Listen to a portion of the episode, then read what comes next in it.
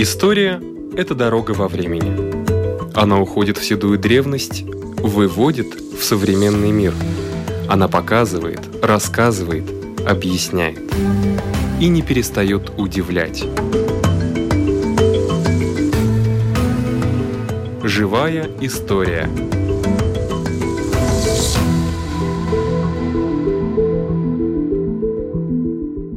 У микрофона Лидия Чера.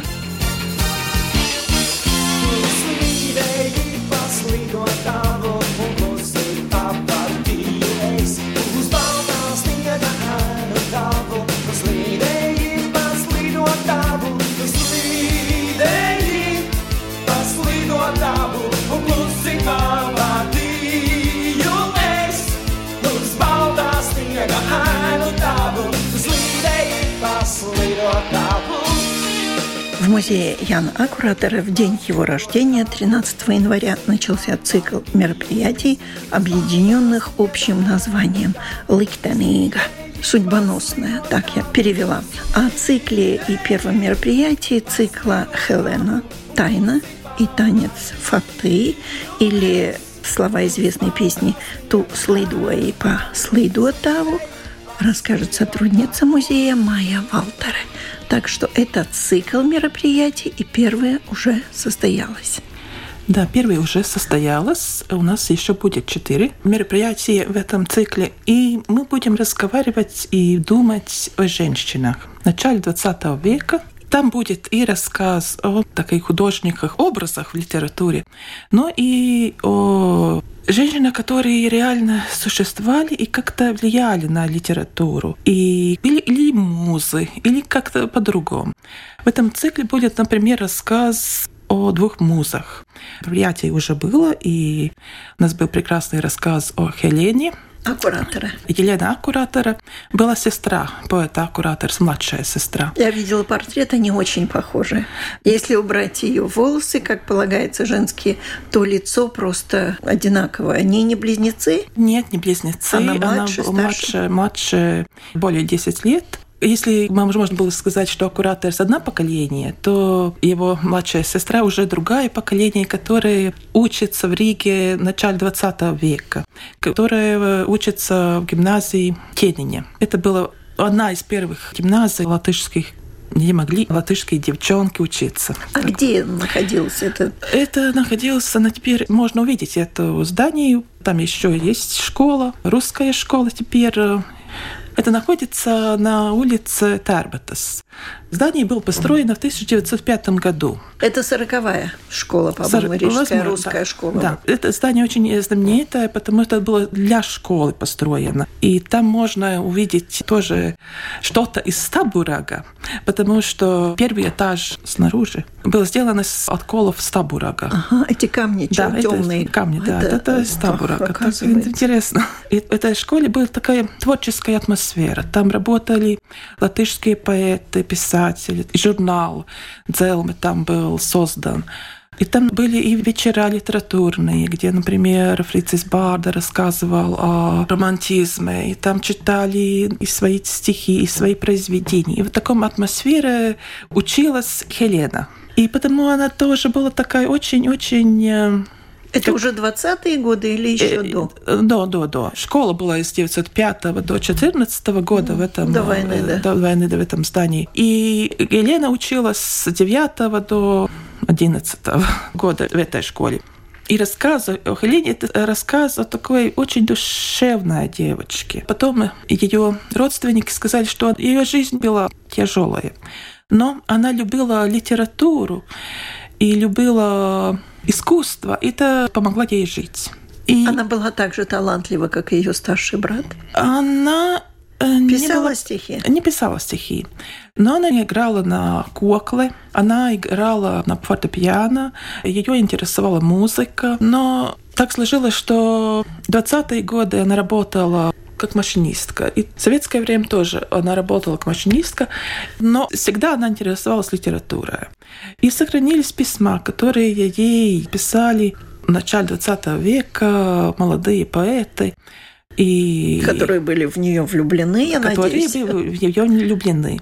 Например, Карлс Круза, друг Аккуратерса, немножко младший Аккуратерса. Он полюбил Хелену и в своем дневнике писал, каждый день что-то о Хелене написал, и этот дневник сохранился. Так и прекрасные письма я писал, и Янис Гринс, тоже в то время юный писатель, юный поэт. И он очень любил Бальмонта. И в письмах пишет из Бальмонта стихотворение. Ну, например, он любит э, Бальмонта «Литургия красоты» сборник. Из этого сборника он пишет эти стихи. «Я вновь хочу быть снежным, быть кротким навсегда, прозрачным и безбрежным, как воздух и вода, безоблачно прекрасным, как зеркало мечты, непонятным и ясным, как небо и цветы. Я вновь хочу быть сонным, быть в грезе голубой, и быть с тебе влюбленным, и быть всегда с тобой. Это Бальмонт, но Бальмонт вдохновлял и его самого писать стихи, там и тоже есть стихи, посвященные Елене. Да, выдающаяся женщина. А как ее сложилась судьба, кого она все-таки сделала своим избранником? Она так и не вышла замуж. У нее был сын. Мы не знаем, кто был Отцом, отцом этого? этого сына. Возможно, Янис Гринс, возможно, нет. Но, как уже я сказала, что ее судьба была тяжелая потому что она потеряла своего сына после Второй мировой войны. И мы не знаем, что случилось с сыном. Он пропал. Он был в армии, но потом пропал. И Елена не узнала, что случилось с ее сыном. Так светлая юность, но жизнь у него так уж не была такой счастливой. Долго прожила? Она прожила до 1976 года. Она присутствовала в 1976 году, 30 января, когда было мероприятие, и у Аккуратора было 100 лет. И этим праздником она еще присутствовала прожила довольно долгую жизнь. И последние немножко меньше, чем 10 лет она жила в доме Аккураторса и заботилась об этом. То есть она жила одна? Она жила одна, да. Но на тогда-то она уже не работала, а так она всю жизнь прожила и работала машинисткой. Да, она всю жизнь работала как машинистка, но очень любила литературу и любила музыку. А почему этот сюжет, эта первая передача цикла называется «Туслидва и послидва Тау».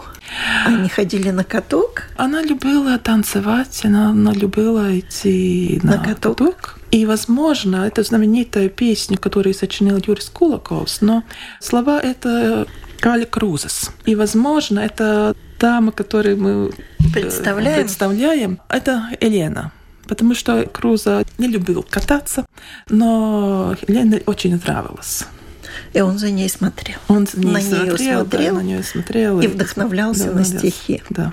Это первая судьбоносная женщина, которая послужила началом этого цикла. Да. Что у нас ожидается? В феврале у нас будет рассказ о очень интересной женщине, но мы не знаем, как называлась она. Как ее имя даже не знаете? Это только представление. Возможно, она, возможно, и другая. Но это связано с 1906 годом, когда одна женщина, не мы знаем имя, но это как бы не совсем Псевдоним? Это, возможно, псевдоним, но не только. Она была предателем. Предателем? Агентом. Она сотрудничала с полицией, с охранкой. Она писала каждый день... Э, донесения? Донесения, да. И архивы. Есть такая папка с названием Эрна. Но это псевдоним наверняка ее. Есть предположение, что это была Элза Анзена. Но, возможно, и нет. Возможно, и другая. Так как нет такое, что Эрна была та и та и та. Мы не знаем. Но она каждый день писала эти донесения, и в том числе там и об Аккураторсе. И в 1906 году в сентябре Аккураторс арестовали. И донесение Анны было одно из причин этого ареста. Так у а кто такой... она такая, Эльза Анзена? Известно о ней что-то? Она была из Валмиер, как бы корреспондент газеты была, но о ней мы знаем очень мало, так можно сказать. Но есть эти тексты, которые она писала. Тема она знаменита, больше ничего интересного о ней неизвестно. Как бы нет, но, возможно, она была школьницей гимназии Малдуаниса, но это уже интересно, потому что из гимназии Малдониса была тоже и жена аккураторса. Тогда наверняка они, они знали знакомы. друг друга. Ну, как это бывает, что в одной классе есть и жена, и предательница. Так это довольно-довольно грустная интересная, история. грустная, интересная история. Но это тоже связано с женщиной начала 20 века, которая могла быть и такой. Но и другая история, которую мы будем рассказывать в марте, будет тоже интересная женщина, и она называлась Евстолия Павловна Рогозникова. Она была террористка. Родилась в Красноуфимске в 1886 году. Как она попала в Латвию? Она не попала в Латвию. Но с Аккураторсом она встретилась в 1907 году, когда Аккураторс был недалеко от Хельсинки, Финляндии, и был вместе с летучим боевым отрядом Серебряной области партии социалистов-революционеров, который руководил его друг Альберт Трауберг. Это была террористическая организация. Сам аккуратор не сделал там бомбы. Не... Он не был террористом, скажем ну, так. Ну, мы можем сказать, что он не был. Мы так думаем. Он сам так в своей автобиографии рассказывал.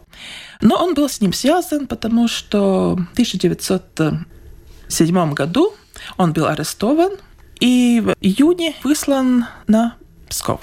Оттуда он сбежал в Финляндию, и два месяца был связан с этим э, Альбертом Траубергом и его группировки. И Эвстолия уже была в 1906 году, но она уже была арестована.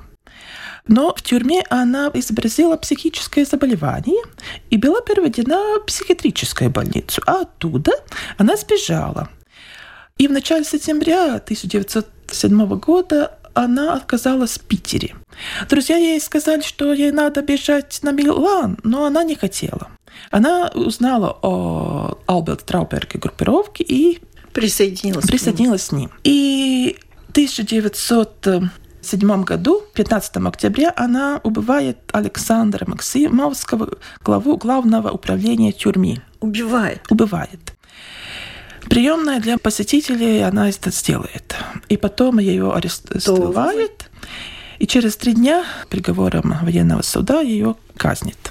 Такая история об Эвстолии, но у Аккураторса есть повесть «Смерть», которую он напишет в 1917 году. Но рассказ о Эвстолии. И начинается повесть с тем, что во время Первой мировой войны солдаты между собой разговаривают. О чем же они могут разговаривать? Они могут разговаривать о смерти. Возможно, смерть красивая. И один из солдатов скажет «да, может». И он рассказывает о Евстолии, не называя имя этой женщины, как прекрасен был тот вечер, перед э, тем, когда она пошла делать это убийство. Как прекрасен был этот вечер, они подарили ей красные розы, она пела, и все это было какое-то очень красивое событие. Вот такой рассказ. Потому и у нас будет этот рассказ о Эвстолии в То есть вы считаете, что все-таки э, впечатлила Яниса Кураторса именно Евстолия? Да. Она была образованная женщина, она изучала музыку, Питер консерватории. И аккуратор в своем автобиографии рассказывает, что в этой террористической группировке были очень образованные люди. И это его впечатлило. Ну да, ну да. Впечатлило на дальнейшую творческую. Ну жизнь. да. да. Ну такой рассказ будет в марте. Да. Потом в апреле у нас будет два мероприятия. Одно будет связано с историей о Музе, но другой Музе, и будет рассказ о Элфриде. Элфрида была младшая сестра жены Аккураторса Марии. И она тоже училась в гимназии Кенине в одно время с Хеленой. Но трагическая судьба Элфриды в том, что она заболела, и э, ей было только 16 лет, когда она ушла из жизни. Но 16 лет она успела быть музой, и Карл Скруза тоже полюбил и ее. И потом, после уже нескольких лет, ей посвящал целый сборник стихов под названием «Земес зимес, знаки земли». И Элфреда была очень чудесная девушка, она тоже любила литературу, она любила искусство. И Карлс Круза в своем дневнике пишет, что он нашел после уже ее смерти дневник ее. И там она пишет, что она хочет, чтобы она была муза, чтобы все художники и восторгались, да, да, и, да. и скульпторы сделали из него портреты в марморе, и поэты сочиняли ей стихи. Ну, она хочет быть такой. Да, ну такой она, наверное, и осталась в памяти. Да. И наша последняя история будет про Теа Морены. Но это образ, литературный образ, но об Теа Морены. Земгалieša Бирота, поэтесса, написала такое маленькое произведение. И другой драматург Эдвард Вулф написал такую маленькую пьесу Теа Морены. Как переводится? Я не знаю, это имя ее. Теа Морены. Рассказ о женщине-художнице. Но в этом мероприятии мы будем рассказывать ее и будем читать эти произведения от Тео Марены. И тоже будем разговаривать о художницах, которые посещали Ригу в начале 20 века. Думаю, что ваши мероприятия будут пользоваться успехом, потому что мне кажется, что больше всего посещают такие мероприятия женщины, а рассказ о еще одной женщине – это всегда интересно. Спасибо, Спасибо большое вам. и за этот цикл. Надеюсь, что мы еще с вами встретимся, когда придет время поближе к разным мероприятиям. У нашего микрофона была сотрудница музея Яна Аккуратерса Майра Валтере. sabor, es cool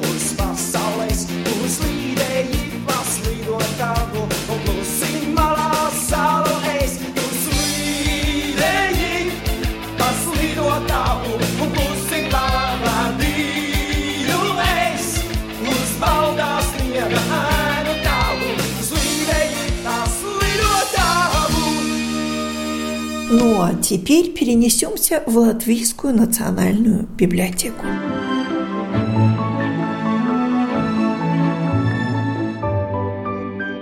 историк Мартин Шмейнтаурс. И мне как-то подумалось, вот сколько веков люди читают книги. По-моему, всего два века. Это так активно 19 и 20. А 21 уже как бы меньше читают книги, да. больше электронные всякие приборы, которые у нас угу. есть, телефоны, гаджеты. Да, или электронная книга, как она сейчас называется, да. специальное такое явление. Ну, пока... Два века, да, всего? Ну, два так, века – это такого интенсивного чтения, в силу того, что эти два века у нас существует и пресса, и, конечно, печатные книги, которые выходили уже, как говорится, массовым тиражом. Потому что до 18 века действительно книга, конечно, была редкостью. Была редкостью, да, в европейской традиции она, конечно, в первую очередь была связана с Святым Писанием, которое требовало, чтобы оно было в каждом доме в таком идеальном варианте. Но, в принципе, это, конечно, книга ритуальная и книга не для ежедневного чтения. И существовали mm-hmm. даже такие притчи о том, что вот если кто-то прочтет всю Библию с начала до конца, то есть и Ветхий Завет, и Новый Завет, то такой человек от всего этого пережитого, скорее всего, сойдет с ума. Такая притча была еще в XIX веке распространена. Но печатное слово, как таковое, конечно, распространялось после изобретения Гутенберга насчет книгопечатания. И в первую очередь как раз религиозные тексты вышли в таких тиражах. Та же самая Библия, и не только Библия, если говорить там о 16-17 веках, тогда в эпоху так называемых религиозных войн в Европе, которые начались с начала движения реформации в начале 16 века, века. Ну, так эта эпоха религиозных войн, она продолжалась в Западной и в Центральной Европе вплоть до середины 17 века. В эту эпоху религиозных войн очень распространенными стали разного рода листовки, которые печатались как протестантами, так и католиками, и печатное слово приобрело такую форму идеологического оружия. Но помимо этого, как раз в XVIII веке, помимо печатных изданий и прессы, появилась еще одна категория книг в связи с биографией Йохана Готхарда Стендера, старшего, то есть книга, которую мы сегодня называем энциклопедией. Ну, мы говорили тогда о этой книге высокой мудрости Аукстес Гудрибс Грамот, которая появилась на латышском языке в конце XVIII века даже в двух изданиях, в двух разных редакциях. Но это, конечно, самое начало энциклопедического движения. А энциклопедии как таковые тоже появляются с конца XVIII века, но распространяются они уже в XIX веке. С чем это связано? Это связано в основном с тем, что повысился средний уровень образованности, и стала необходимая такая информация, которой до того пользовались только ученые или отдельные люди, которые занимались какими-то исследованиями в области разных наук, точных, естественных или гуманитарных и так далее. Но в XIX веке уже появляются так называемые универсальные энциклопедии, как в Европе, так и в России. Но в России это Брокхаус редакции Ефрона, такая универсальная энциклопедия XIX века.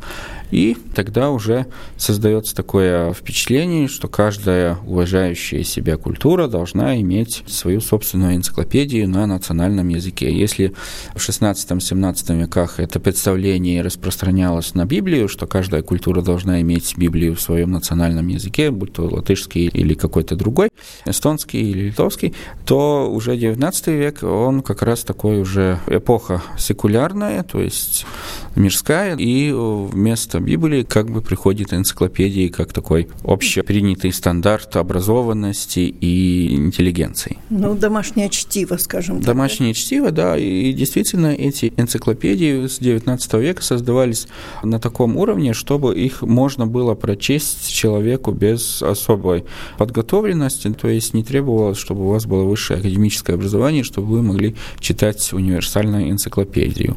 Ну, в случае Латвии это тоже такое движение, которое у нас появляется в начале XX века, когда Рижское латышское общество создало такую комиссию, при которой разрабатывался проект конверсационного словаря, как тогда называлась энциклопедия, на латышском языке. Мы больше знаем о редакции этого словаря или этой энциклопедии, которая появилась уже при Латвийской республике 20-е и 30-е годы, но первые образцы энциклопедии, универсальной энциклопедии на латышском языке появились уже во времена Российской империи, то есть в начале 20 века. То есть с 1910 года в трех томах стала выходить энциклопедия на латышском языке в красивом оформлении в стиле арт-нуво, и печаталась она на латышском языке, но используя так называемую старую орфографию, да, то есть готический шрифт. Эта энциклопедия до начала Первой мировой войны не было окончено, и это событие наложило такую своеобразную печать на все дело печатания энциклопедии во время 20 века. Потому что за исключением советского периода те проекты энциклопедии, которые были начаты, они не были законченными. Но, в принципе, энциклопедия интересна еще и потому, что энциклопедия дает как бы разрез того, чем жила общество в определенную эпоху, как какая информация считалась важной, достоверной и такой, которой надо пользоваться в обыходном порядке. И с этой точки зрения, конечно, интересно читать и энциклопедию, которая как бы уже устарела. То есть информация, которая была актуальна для человека XIX века или начала XX века, она сегодня уже не пригодится, потому что изменилась наука, изменились представления о мироздании, о физике, о химии, о каких-то гуманитарных науках и так далее но они, как бы было не парадоксально, но из старой энциклопедии они не утрачивают свою значимость с точки зрения того, что они показывают, как жило общество в ту самую эпоху. И да, как то, устроен мир. И как устроен мир, и также политический контекст данной эпохи. Сегодня мы, конечно, можем по-разному оценивать советский период нашей истории, но та информация, которая сохранилась в латвийской и советской энциклопедии в двух редакциях, то есть малая энциклопедия Латвийской ССР, которая вышла в трех томах в начале 70-х, и потом этот проект, который был завершен, то есть Латвийская советская энциклопедия в 12 томах, которая... Зеленые книги. Зеленые книги, да, такие солидные, которые до сих пор, конечно, доступны и в Национальной библиотеке, и они не уходят в прошлое только из-за того, что они были напечатаны в советское время. Там, конечно, присутствует советская идеология и советская тип взгляда на мир, конечно, там очень-очень существенно проявляется. И как раз этим и эта энциклопедия интересна и ценная для исследователей той эпохи, потому что энциклопедия содержит в себе как бы такой концентрат своего времени. И с идеологической точки зрения, и с точки зрения технической информации, и того, как эти люди видели мир, в котором они жили. Какие в этой древней энциклопедии, какие основные разделы были? В первой, География, да, да. да. Если говорить о этих первых универсальных энциклопедий, в том числе о первой энциклопедии на латышском языке, трехтомной, да. то она строилась по принципу действительно универсальной энциклопедии или по принципу Брокхауза немецкого, то есть она должна была содержать информацию как о территории Латвии, как mm-hmm. о российском государстве, Российской империи, так о всем мире. Потому что если смотреть историческую часть, то там все с древней истории до начала 20 века. Там информация по физике, по химии, по биологии, по природе. Там очень интересная, ценная информация как раз и про Российскую империю, и про латышские земли, про прибалтийские провинции на тот момент, чем они жили и как была устроена администрация, управление этих территорий в начале 20 века. Там очень много интересной статистической информации, которая, конечно, в каком-то объеме сохранилась и в архивных источниках того времени, но гораздо проще для читателя современного подойти к полке, взять эту энциклопедию, найти там достоверную информацию про население, про производство, про сельское хозяйство, все, что было актуально на тот данный момент, на 1910-2012 год. Потому что действительно мы, если сейчас возьмем эту книгу, посмотрим, посмотрим, то мы увидим такую картину мира столетней давности. Она довольно интересна, потому что это уже эпоха электричества, эпоха современной индустриализации, железных дорог, химического производства и так далее, и так далее. Это как раз в ту пору это все набирает силу и развивается по восходящей кривой, и это интересно посмотреть, как они представляют себя и дальше, как это будет все развиваться. Не зря даже в советский период сравнивались с 1900 1913 годом, годом да, да, что да. там было больше того, того и того. Интересно, сколько жителей было в Латвии? Приблизительно это как раз та эпоха перед началом Первой мировой войны, когда наиболее высокое число населения на территории Латвии, то есть 2,5 миллиона. Потом, после Первой мировой войны, конечно, эта цифра упала из-за эвакуации промышленности в 2015 году, вместе с которой уехали с заводами, уехали и рабочие, и поток беженцев в Западной Латвии тоже в 2015 году в российские губернии, и эти, конечно, беженцы не все вернулись потом после войны назад на родину, но 2,5 миллиона или 2 миллиона 600 тысяч приблизительно. Ну, то же самое число населения, которое мы имели в конце 80 70-х годов к исходу советского периода. И потом, ну, сейчас мы тоже как раз испытываем такую волну, которая внесла и в эмиграцию экономическую, другую, и сокращение населения. Так что тоже, если посмотреть по энциклопедиям, то можно увидеть, как эти волны приходят и уходят, и разобраться в том, что же случилось, и получить наиболее точную информацию о том, как изменился состав и численность населения. То есть я со своим библиотечным билетом могу получить на руки эту энциклопедию? Получить на руки, да. Они не выдаются на дом, конечно, да, но в читательских залах наших это, вполне доступно. Все энциклопедии, которые мы имеем.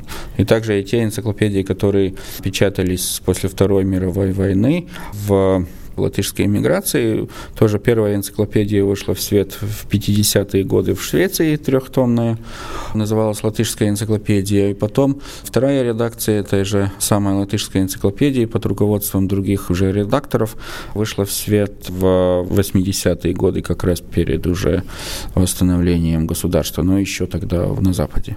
Так что это тоже интересно сравнить. Если в первой этой энциклопедии, которая вышла в свет в эмиграции, там данные о советской Латвии довольно мало, и они какие они могли бы быть в 50-е годы, когда информация была еще недоступна, то во второй редакции этой энциклопедии тут как раз намечается повышенный интерес к современной Латвии тогдашней. Они очень тщательно собирали информацию, которую могли напечатать для западного латышского читателя, который проживал в эмиграции, потому что достать советскую энциклопедию из Советского Союза было довольно сложно.